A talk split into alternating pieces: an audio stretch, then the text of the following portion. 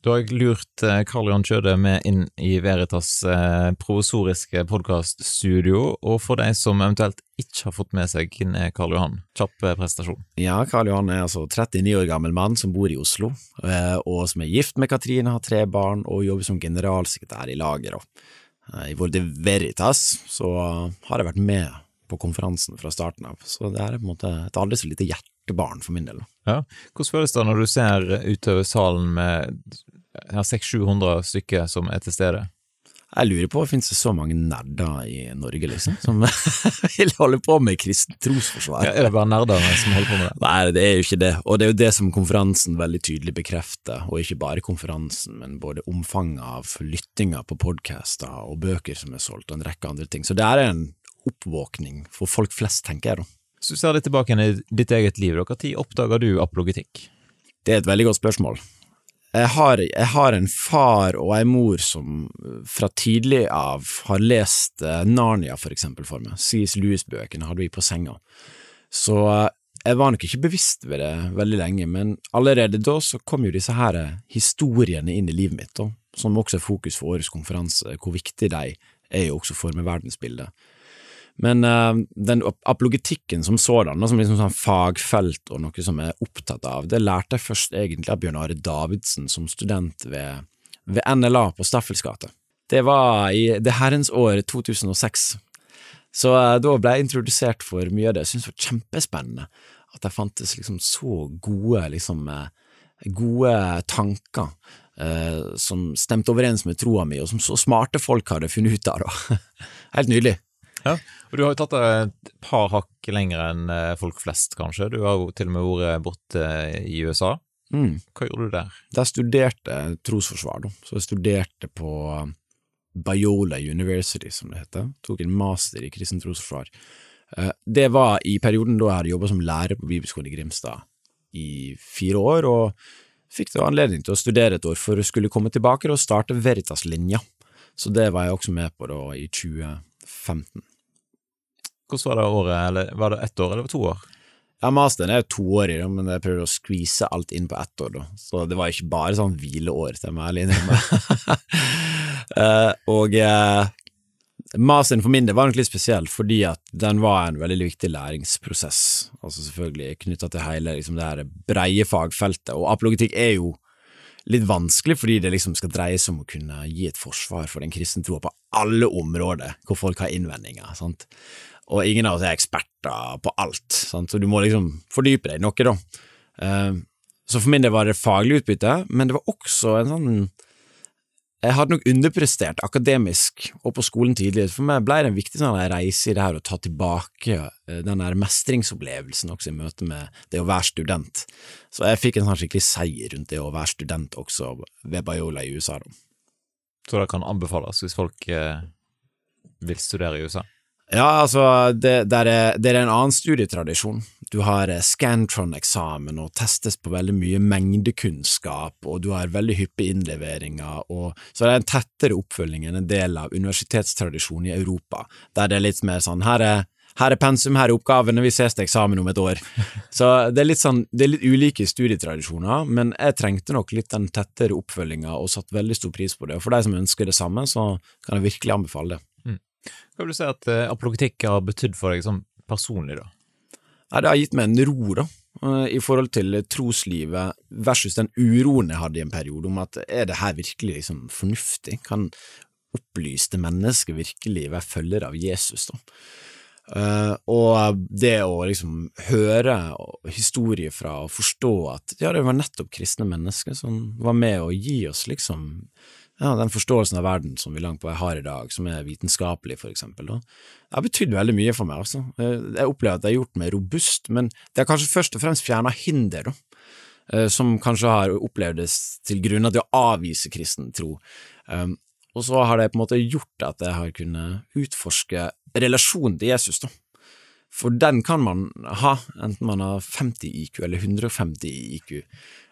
Og det er jo i det at troens liv, i det å kjenne og følge Jesus, virkelig leves, og trosforsvaret spiller en viktig rolle i å kunne legge til rette for det, men er ikke hele det kristne livet. Det må en ikke forveksle det med å kunne være, da.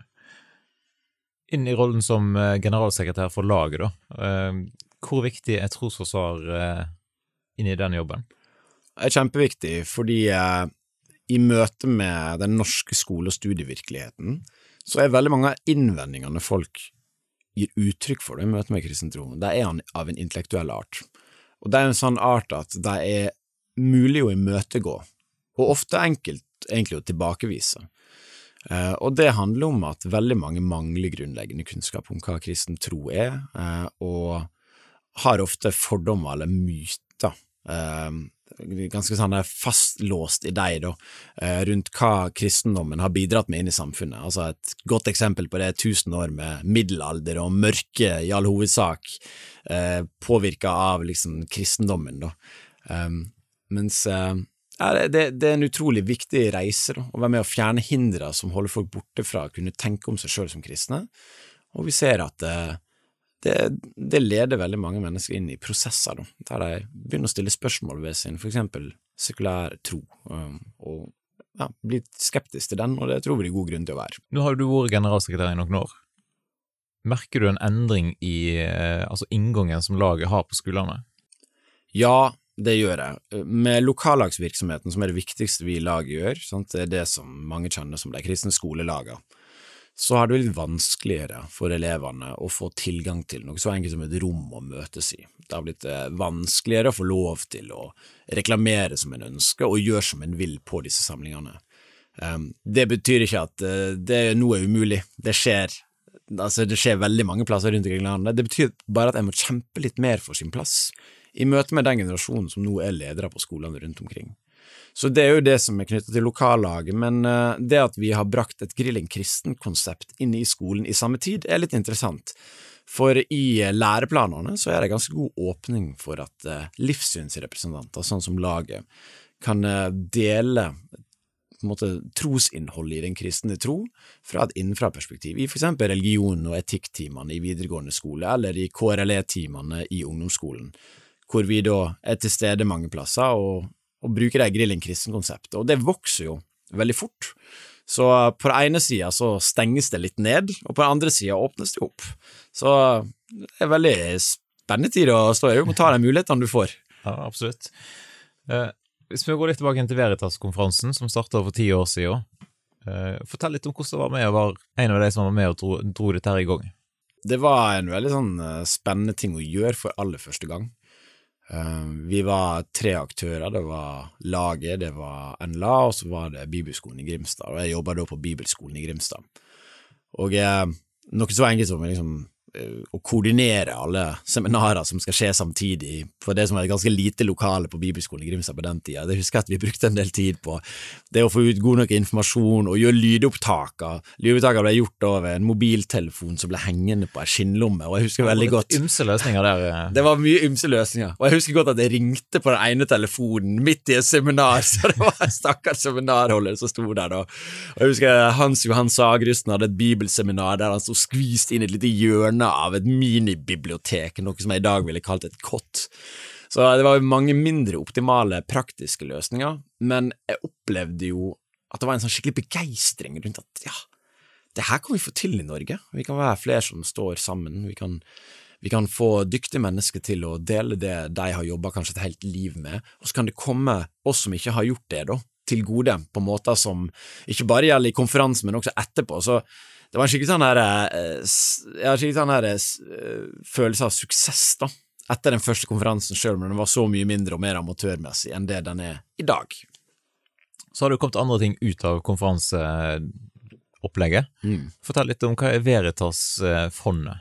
Veritas-fondet er de pengene vi får inn til Veritas gjennom kollekter på Veritas-konferansen. Eh, gave sporadisk som gis av folk som ønsker å støtte det, eh, og organisasjonsbidragene til i år Ungdom i oppdrag, laget, eh, lag, eller Damaris da, og Bibelskolen i Grimstad. Disse midlene altså, ønsker vi å gi ut til ulike initiativ, og så veldig ofte har det gått til bokoversettelse eller bokskriving. Å lage innhold, det er tidkrevende.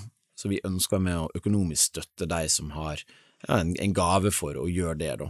Men det kan også gå til videoproduksjon, eller kan, det, det, har bidratt til å betale liksom, for at prominente personer skal kunne komme og delta, for flybilletter fra USA og England kan koste en del, og den slags, da. Um, så en rekke sånn apologetiske initiativ uh, ønsker vi i enda større grad i åra framover også å være med å støtte gjennom Veritas-fondet, og det går faktisk an å søke. Hvis du har en klok idé, eller noe du er liksom spent på, kan jeg jobbe med det? så kan du nå gå inn på veritasnorge.no og søke penger til ditt tiltak da, fra Veritasfondet, og så vil Veritas Norge styre tildele det da i, på et gitt tidspunkt i løpet av året. Hvor store beløp kan en søke om? da? Si at eh, noen går og tenker på ja, starte en kristen TikTok, eh, eh, konto, liksom. Hva, hva kan du eventuelt søke om? Jeg kan søke om så mye du vil, men samla sett har vi delt ut 100 000 cirka, give or take, eh, i løpet av de siste åra, på årsbasis. Da. Det betyr at vi, eh, hvis vi skal gi til flere, så må vi gi mindre beløp. Men skikkelig gode ideer, da, som har en skikkelig god plan. Og hvis vi har skikkelig troa på det du tenker på, så er det ingen grunn til å liksom være beskjeden. Det er bare å gønne på. Hva kan en gjøre for å få inn flere penger til det fondet, da?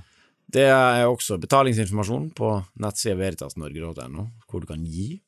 Um, og eh, det kan en gjøre som privatperson, men det går også an å gi som menighet eller som organisasjonspartner, eller hva en ønsker å gjøre. Så til sjuende og sist er det jo liksom det vi er, da. Vi er basert på innsamling eh, og folks gaver, og vi videreformidler. Og vi har ingen administrasjonskostnader. Sånn, vi, er, vi, har ingen administrasjon i Veritas Norge, det er utelukkende et styre av frivillige som ønsker at det her skal skje, fordi vi tenker at det her er utrolig viktig. Da. Er det andre ting som har kommet ut av konferansen? Ja, det vil jeg si. En bok, bokforlag, eller Veritas forlag, er jo nevnt. Det er et innprintforlag hos Lunde, men eh, porteføljen av bøker derfra har blitt ganske stor etter hvert. Eh, og det synes jeg er skikkelig suksesshistorie. Eh, vi har apologetikkvelder nå rundt omkring i Norge, i fire byer. Det her skjer i regi av laget, men det kommer som følge av mye av den Veritas-ånden som er eh, som vi også er en del av. Da. Jeg synes jo også at eh, en del av emna du finner på kommunikasjon og livssyn, bærer veldig tydelig preg av å ville være praktiske, og er knytta til at eh, du kan begynne på konferansen og ta et steg videre og studere mer. Da. Og Veritas Linja er jo også et helt opplatt eksempel på et direkte resultat av at konferansen ble til. Vi så at bibelskoleelevene digga å jobbe med trosforsvar, og du kan nå velge å jobbe med det et helt år på, på bibelskolen i Grimstad. Så eh, det er mange sånne eksempel på ting som har kommet ut av det her, og håper at det blir flere i framtida. Kan jeg rett og slett snakke om en apologetisk oppvåkning? Ja, det syns jeg at en kan, fordi at tidligere så har vi hatt en veldig sånn sterk apologetikkbevegelse også i Norge.